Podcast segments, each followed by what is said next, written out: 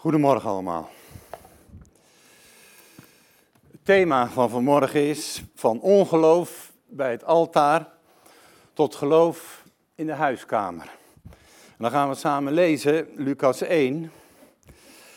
En dat gelezen ik u uit de nieuwe Bijbelvertaling, Lucas 1. Ik heb er een paar stukken uitgenomen, ik lees niet het hele verhaal. Ik begin bij vers 8. Daar staat het volgende. Toen de afdeling van Zacharias eens aan de beurt was om de priesterdienst te vervullen, werd er volgens het gebruik van de priesters gelood en werd Zacharias door het lot aangewezen om het, reuk, om het reukoffer op te dragen in het heiligdom van de Heer. En de samengestroomde menigte bleef buiten staan bidden terwijl het offer werd gebracht. En opeens verscheen hem een engel van de Heer, die aan de rechterkant van het reukofferaltaar stond. Het Zacharias, Zacharias schrok hevig bij het zien van de engel en hij werd door angst overvallen. Maar de engel zei tegen hem, wees niet bang Zacharias, je gebed is verhoord. Je vrouw Elisabeth zal een zoon baren en je moet hem Johannes noemen. Vreugde en blijdschap zullen je ten deel vallen. En velen zullen zich over zijn geboorte verheugen. Hij zal groot zijn in de ogen van de Heer en wijn en andere gegiste drank zal hij niet drinken. Hij zal vervuld worden met de Heilige Geest, terwijl hij nog in de schoot van zijn moeder is. En hij zal velen uit het volk van Israël tot de Heer hun God brengen. En als bode zal hij voor God uitgaan met de geest en de kracht van Elia, om ouders met hun kinderen te verzoenen en om zondaars tot rechtvaardigheid te brengen. En zo zal hij het volk gereed maken voor de Heer. En Zacharias vroeg aan de engel, hoe zal ik weten of dat waar is? Ik ben immers een oude man. En ook mijn vrouw is al op leeftijd. En de engel antwoordde, ik ben Gabriel, die altijd in Gods nabijheid is. En ik ben uitgezonden om je dit goede nieuws te brengen. Maar omdat je geen geloof hebt gehecht aan mijn woorden, die op de voorbestemde tijd in vervulling zullen gaan, zul je stom zijn en niet kunnen spreken tot op de dag waarop dit alles gaat gebeuren. Ik ga verder lezen in vers 26. In de zesde maand zond God de engel Gabriel naar de stad Nazareth in Galilea. Naar een meisje dat was uitgehuwelijkt aan een man die Jozef heette, een afstammeling van David. En het meisje heette Maria. En Gabriel ging haar huis binnen en zei, gegroet Maria, je bent begnadigd, de Heer is met je. En ze schrok hevig bij het horen van zijn woorden en vroeg zich af wat die begroeting te betekenen had. Maar de engel zei tegen haar, wees niet bang Maria, God heeft je gunst geschonken. Luister, je zult zwanger worden en een zoon baren en je moet hem Jezus noemen. En hij zal een groot man worden en zoon van de Allerhoogste worden genoemd. En God, de Heer, zal hem de troon van zijn vader David geven. En tot een eeuwigheid zal hij koning zijn over het volk van Jacob. En aan zijn koningschap zal geen einde komen. En Maria vroeg aan de engel, hoe zal dat gebeuren? Ik heb immers nog nooit gemeenschap met een man gehad. En de engel antwoordde, de Heilige Geest zal over je komen. En de kracht van de Allerhoogste zal je schaduw bedekken.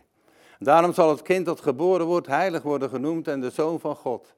Luister ook, je familielid Elisabeth is zwanger van een zoon, ondanks haar hoge leeftijd. Ze is nu ook, is nu, ook al hield men haar voor onvruchtbaar, in de zesde maand van haar zwangerschap.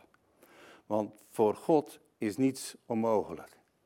En Maria zei, de Heer wil ik dienen, laat er met mij gebeuren wat u hebt gezegd. En daarna liet de engel haar weer alleen. Tot zover.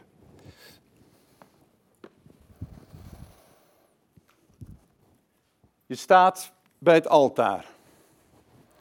Je droom is uitgekomen. Van de 18.000 priesters ben jij uitgekozen om het reukoffer te mogen brengen.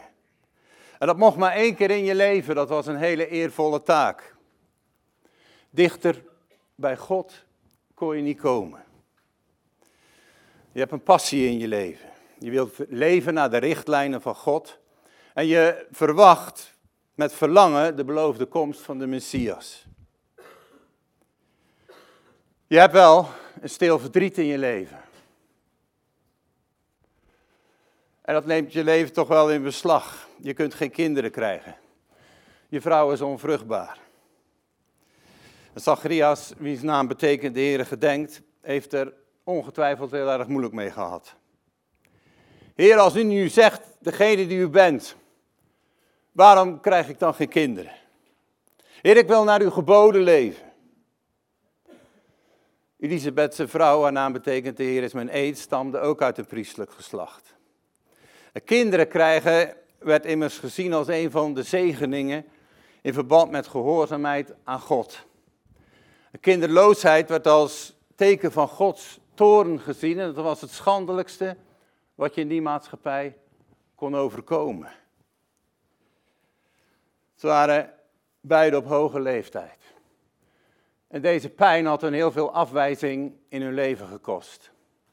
Er zal wel een zonde in jullie leven zijn dat je geen kinderen kan krijgen. Je hebt vast niet genoeg geloof gehad. En zo kunnen er allerlei opmerkingen zijn geweest van mensen die hun hadden beschadigd. In de zichtbare wereld waren er geen mogelijkheden dat ze ooit een kind konden krijgen. En dan valt Zacharias de eer te beurt. Zijn afdeling was aan, aan, aan de beurt en het lot werd aangewezen aan hem om zijn priesterdienst te vervullen. En zijn collega's zullen gedacht hebben, die heeft geluk gehad. Maar achter dit alles zit de regie van God. Hij had een plan. Die keuze was niet willekeurig. En zo is het ook in ons leven. Er gebeuren dingen in je leven die je niet had gepland. Er zijn verwachtingen in je leven, er zijn dromen, er, zijn, er is een visie in je leven. En dan gaan dingen anders dan je dacht. En dan krijg je te maken met afwijzing. Zo was het ook in mijn leven. Ik was getrouwd en drie, vier jaar nadat ik getrouwd was, met mijn vrouw ziek. En dat is eigenlijk nog tot op de dag van vandaag. En dat had je niet verwacht. En dan komen er allerlei opmerkingen van mensen. Oh, er zal wel iets fout zijn in jullie huwelijk of in jullie leven. En dat zeggen ze dan heel subtiel. Er zal wel ongeloof zijn in jullie. Dat dat gebeurt in je leven. En dan zit je ermee. Heer, wat is uw bedoeling? Had u dat niet even beter van tevoren kunnen zeggen? En dan worstel je mee. En dan heeft de Heer een roeping met je leven en heeft de Heer een plan met je leven wat je zelf nooit gezocht had. En dan mag je over hem gaan vertellen, overal, al jarenlang. En tussen die gebeurtenissen heen volvoert God zijn plan. Maakt hij je klaar, vormt hij, kneedt hij je. En zo was het ook met Zacharias. Hij mocht in de bediening van de Heer staan, hij stond heel dicht bij het altaar.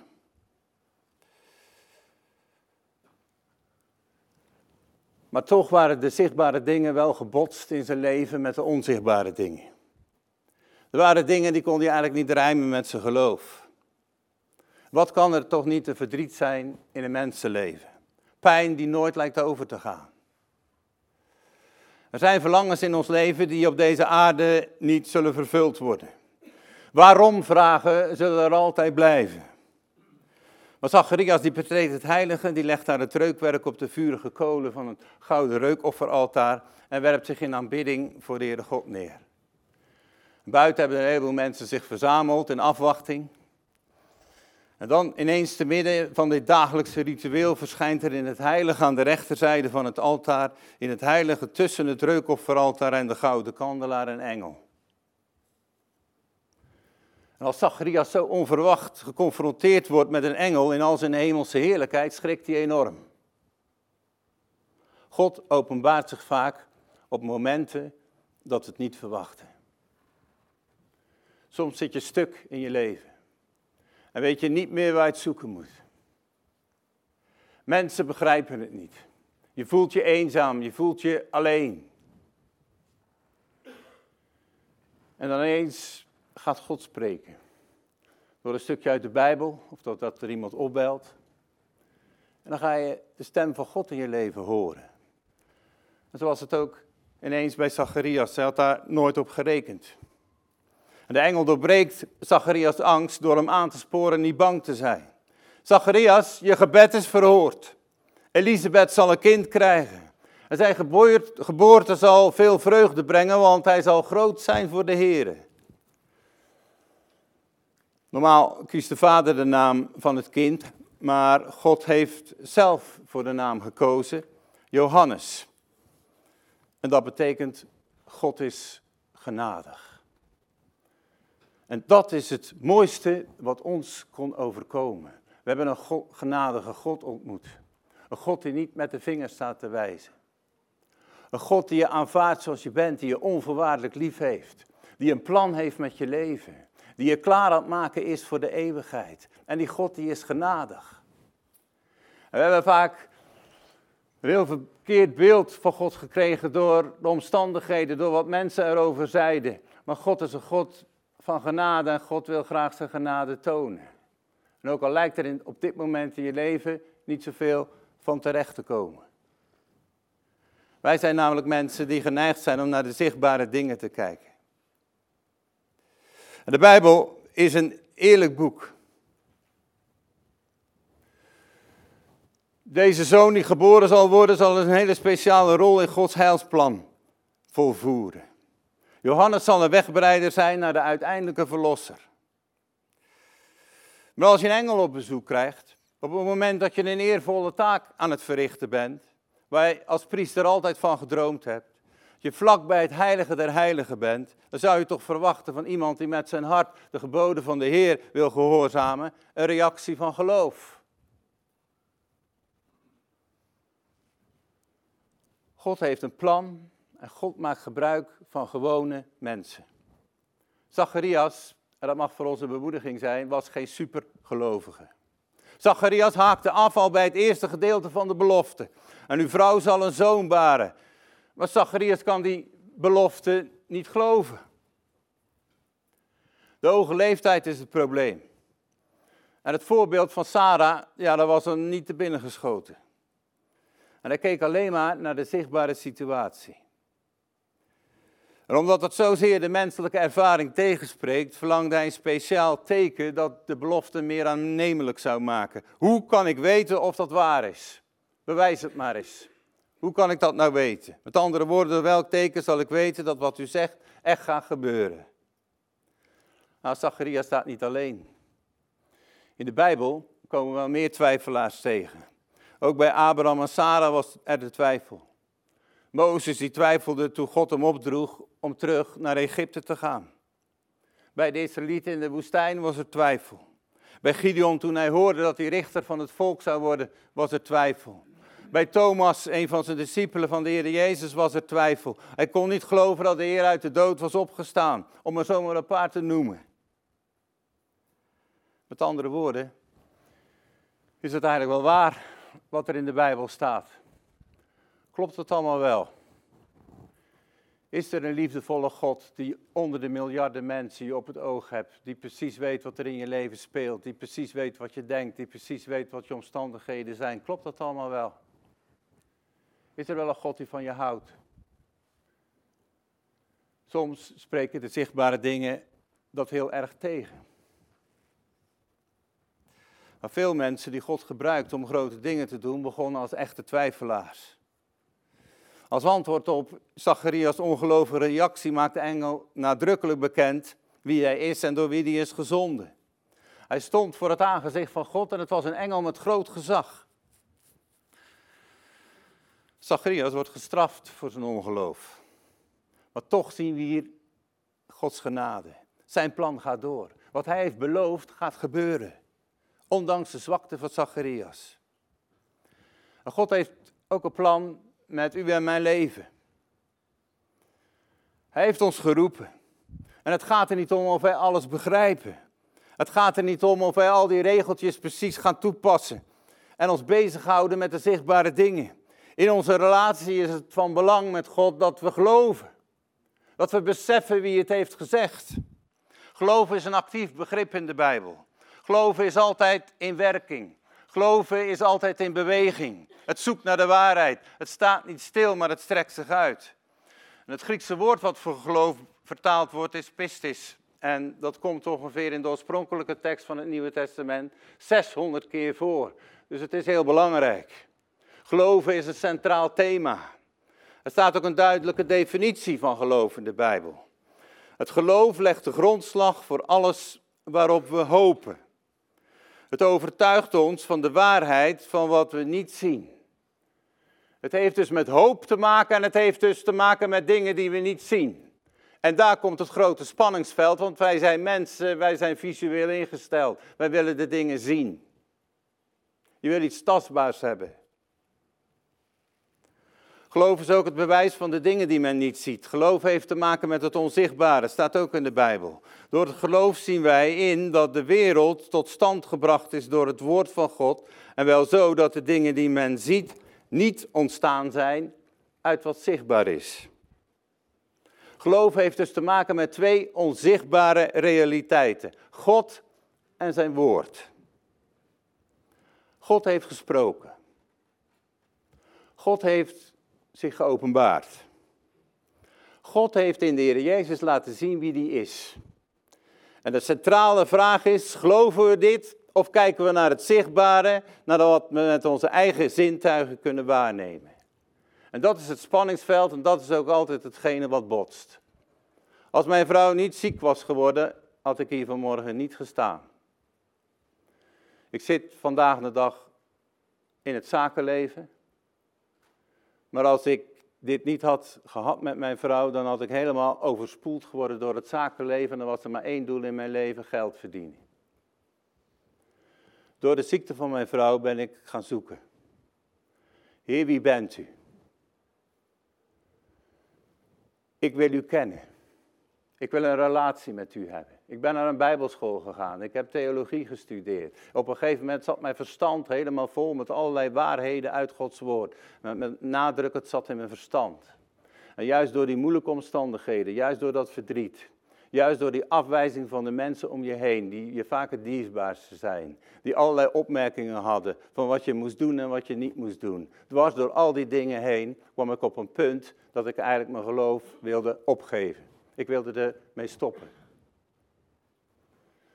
Dat was een bewuste keuze. En ik weet nog precies de plek waar het was. Ik zat op een bankje in de bergen. En ik zei, Heere God, ik ga niet meer verder met u. Ik heb er eigenlijk genoeg van. Als dit geloof is, dan hoeft het voor mij niet meer. En toen heeft God zich geopenbaard in mijn leven. Ik kan het moeilijk onder woorden brengen, maar toen kreeg ik een ontmoeting met God. En dat was onbeschrijfelijk. En toen zakten dingen die in mijn verstand waren, die zakten in mijn hart. En vanaf dat moment, ik was toen al meer dan 30 jaar christen. Vanaf dat moment kwam er een passie in mijn leven die er nooit was. En ging ik niet dingen doen omdat het moest. Ik ging niet in de Bijbel lezen omdat het er nou eenmaal bij hoort. Ik ging niet bidden omdat ik me dan anders schuldig voelde. Nee, ik verlangde om God te ervaren in mijn leven. Ik verlangde steeds meer en meer dat de relatie met God het belangrijkste zou zijn in mijn leven. Was dat gelijk een groot schip met geloof? Nee. Er waren nog steeds twijfels, er was nog steeds pijn. Maar je ervaarde dat je er bovenuit getild werd. En dat is tot op de dag van vandaag. Het geloof is het belangrijkste in mijn leven. Jezus Christus is het middelpunt. En dat had nooit gebeurd als dat verdriet er niet was geweest en is. En zo, met Zacharias, hij heeft iets geweldigs in zijn leven meegemaakt. Ondanks zijn eigen ongeloof, ondanks zijn eigen beperkingen. God is een God van genade. Omdat je me niet gezien hebt, geloof je. Gelukkig zijn zij die niet zien en toch geloven. Het gaat niet om bewijzen, maar wie het gezegd heeft. En tot slot willen we stilstaan bij Maria. Zij kreeg ook een engel op bezoek. Ze was niet aan het stofzuigen, want dat kon je toch nog niet, maar ze was bezig met huiselijke dingen. En dan staat er ineens een, engel in je kamer. Gegroet Maria, Maria, je bent begnadigd, de Heer is met je. En ze schrok hevig bij het horen van die woorden. En ze vroeg zich af wat die begroeting te betekenen had. Maria, je zal op een wonderlijke manier zwanger worden. Op een manier zoals het nog nooit is gebeurd. En dat was geen voorbeeld zoals bij Zacharias. En het zou veel meer voor de hand liggen dat Maria om bewijzen zou vragen. Die belofte lijkt onmogelijk, maar Maria gelooft.